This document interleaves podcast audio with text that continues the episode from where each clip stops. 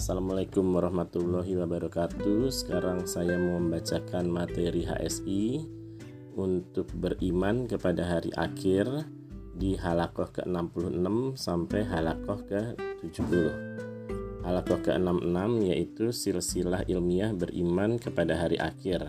Syafaat bagi para pelaku dosa besar bagian ketiga. Harakoh yang ke-66 dari silsilah ilmiah beriman kepada hari akhir adalah tentang syafaat bagi para pelaku dosa besar bagian ketiga. Rasulullah Shallallahu Alaihi Wasallam mengabarkan bahwasannya ada di antara umat beliau Shallallahu Alaihi Wasallam yang akan memberikan syafaat bagi dua dan tiga orang.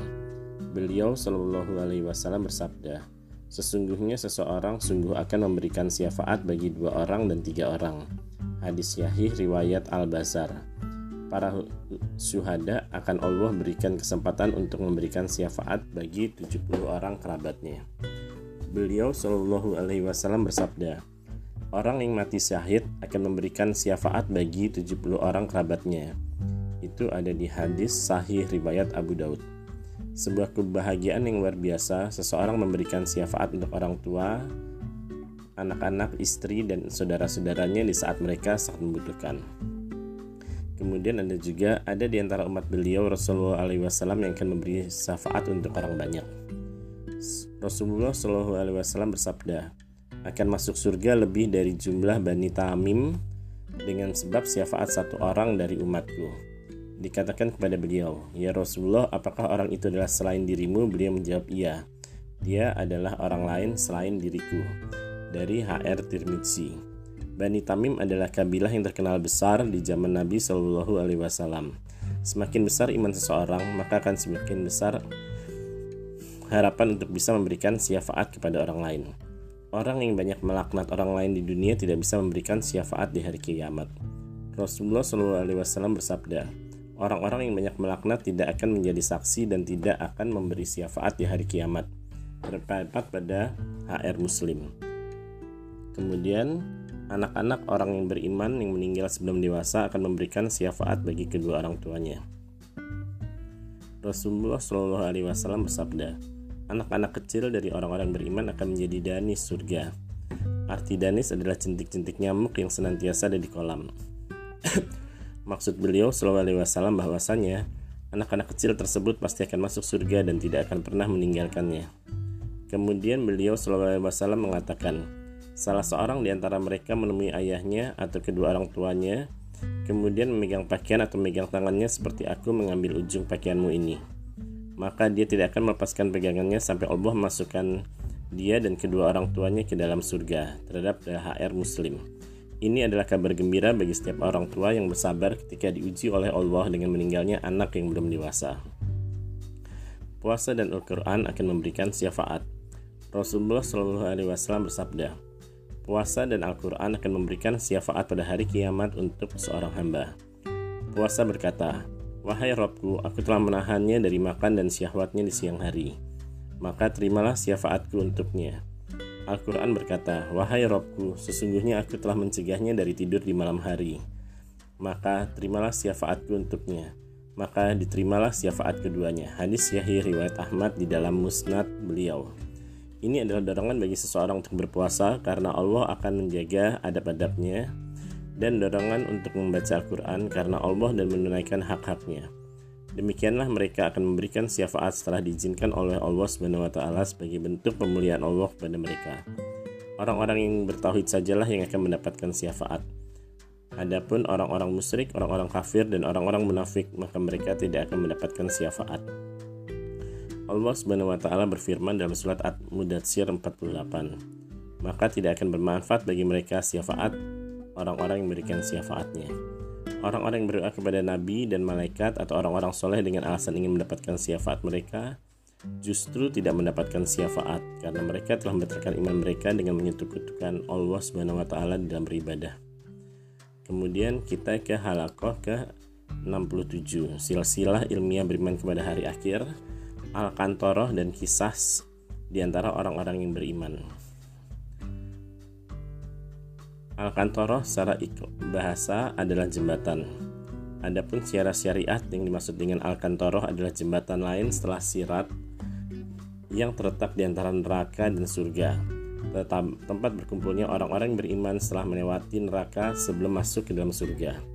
Termasuk beriman kepada hari akhir adalah beriman dengan adanya Al-Qantoroh ini tempat akan dibersihkannya hati-hati orang yang beriman dengan dikisas di antara mereka.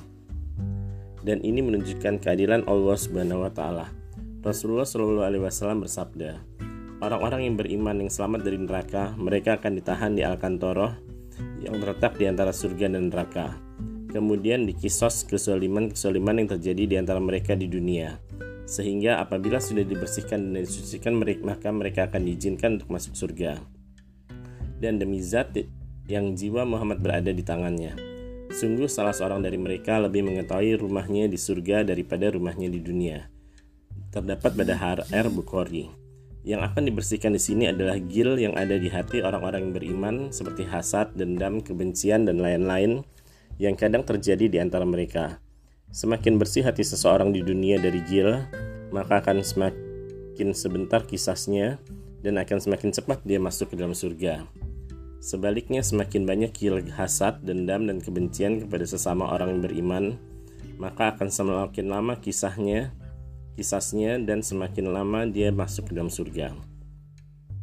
Kisah di Al-Kantoroh ini terjadi di antara sesama orang yang beriman saja, dengan maksud pembersihan hati. Adapun kisah di padang masyar maka untuk semua makhluk yang kafir maupun yang mukmin, yang mencakup kisah karena kesoliman harta, fisik maupun kehormatan.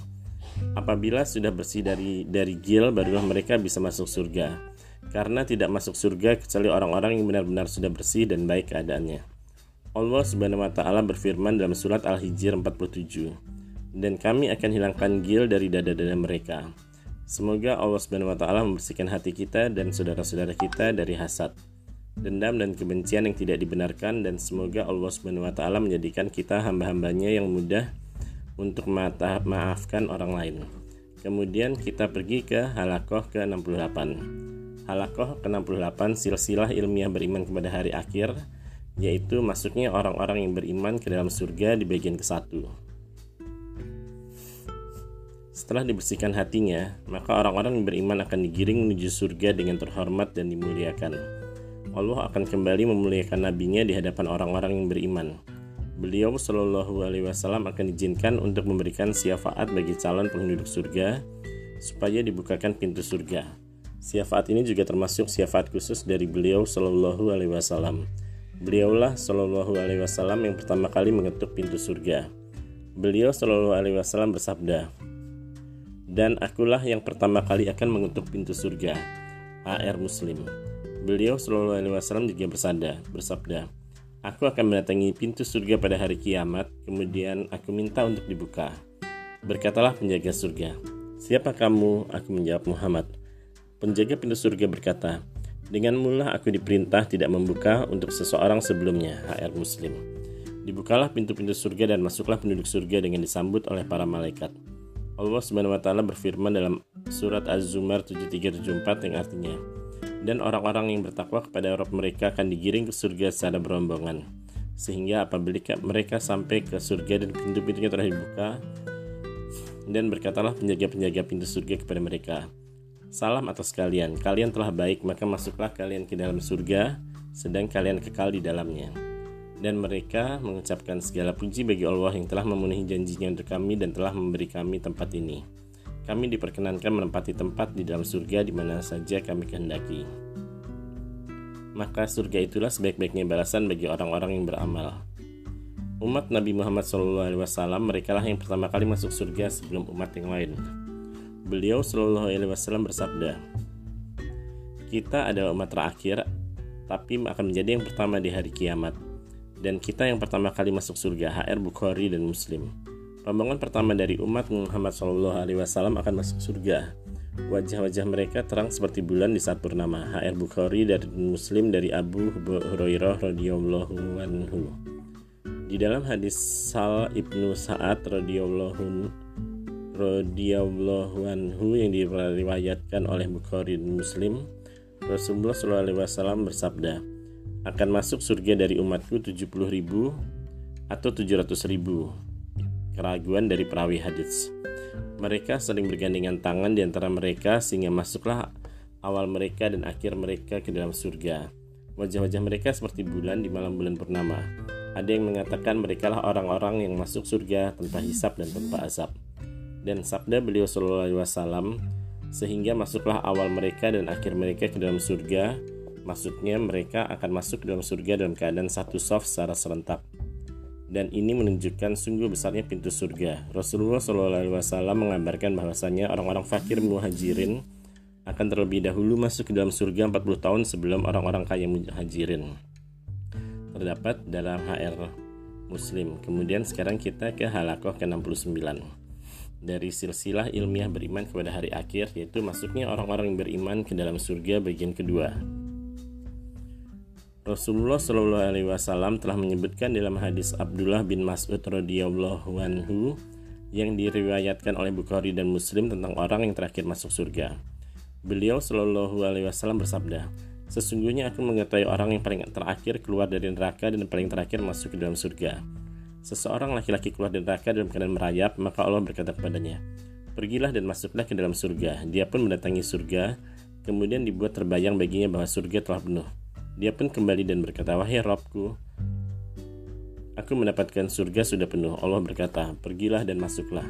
Maka dia mendatangi surga kemudian dibuat terbayang baginya bahwa surga telah penuh. Dia pun kembali dan berkata, Wahai Robku, aku mendapatkan surga telah penuh. Allah berkata, Pergilah dan masuklah, maka sungguh untukmu semisal dengan dunia dan sepuluh kali lipat dari dunia, atau bagimu sepuluh kali lipat dari dunia.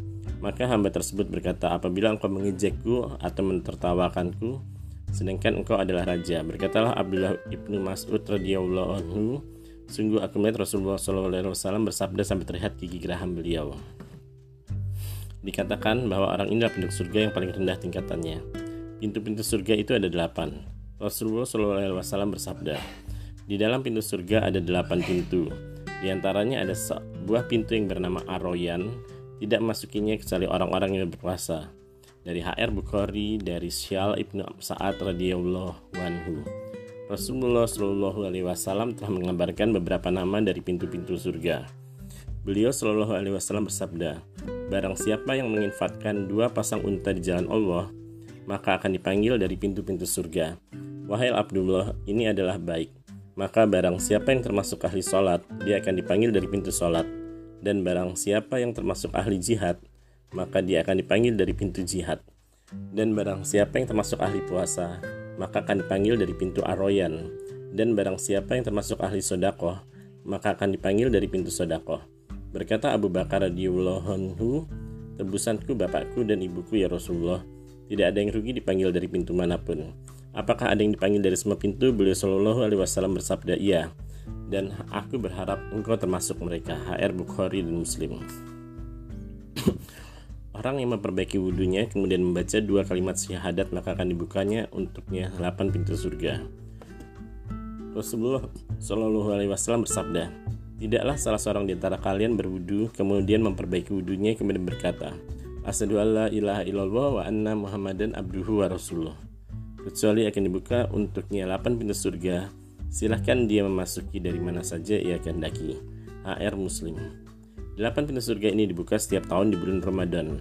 Rasulullah Shallallahu Alaihi Wasallam bersabda, Apabila masuk bulan Ramadan, maka akan dibuka pintu-pintu surga dan akan ditutup pintu-pintu jahanam dan akan dibelenggu setan-setan. HR Bukhari dan Muslim.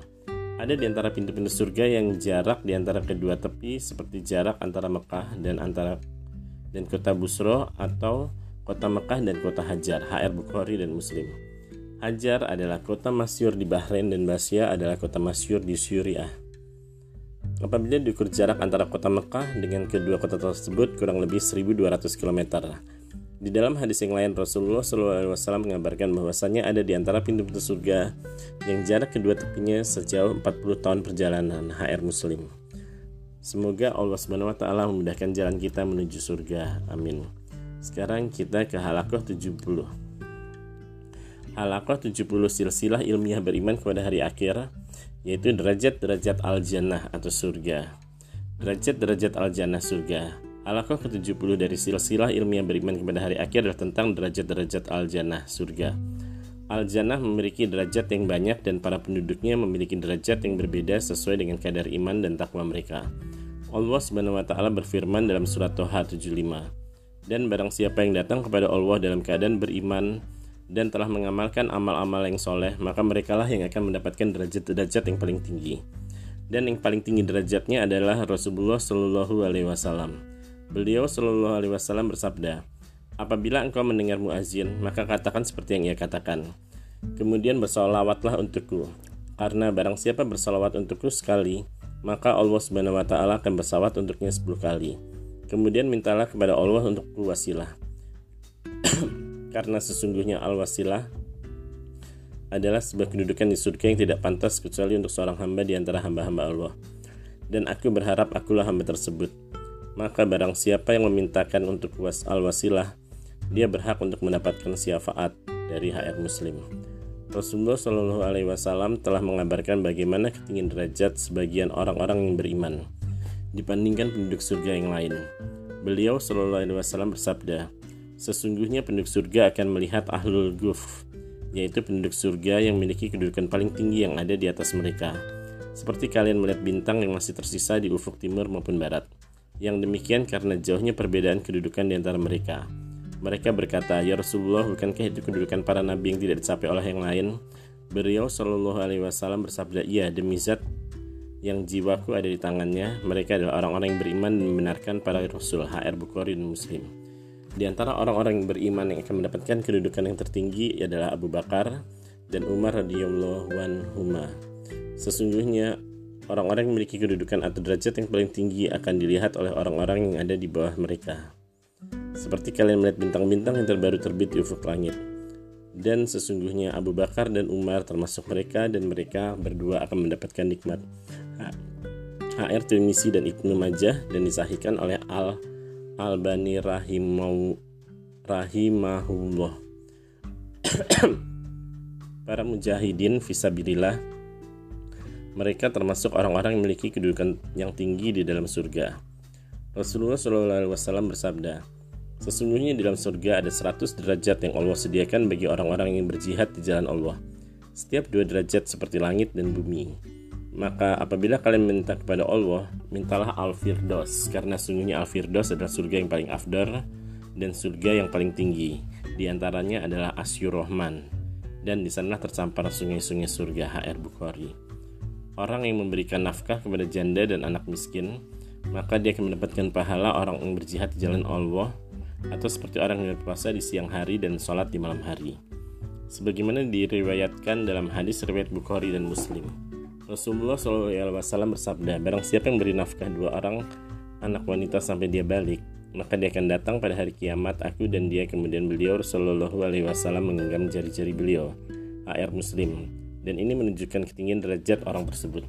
Rasulullah SAW bersabda, orang yang menanggung anak yatim miliknya atau milik orang lain, aku dan dia surga seperti dua jari HR Muslim.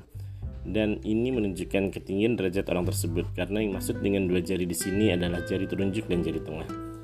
Dan dalam hadis yang sahih yang direwetkan oleh Tirmizi Rasulullah SAW bersabda, Sesungguhnya termasuk orang-orang yang paling aku cintai di antara kalian dan paling dekat majelisnya denganku pada hari kiamat adalah orang yang paling baik akhlaknya di antara kalian. Orang tua bisa ditinggikan derajatnya dalam surga karena sebab istighfar anaknya.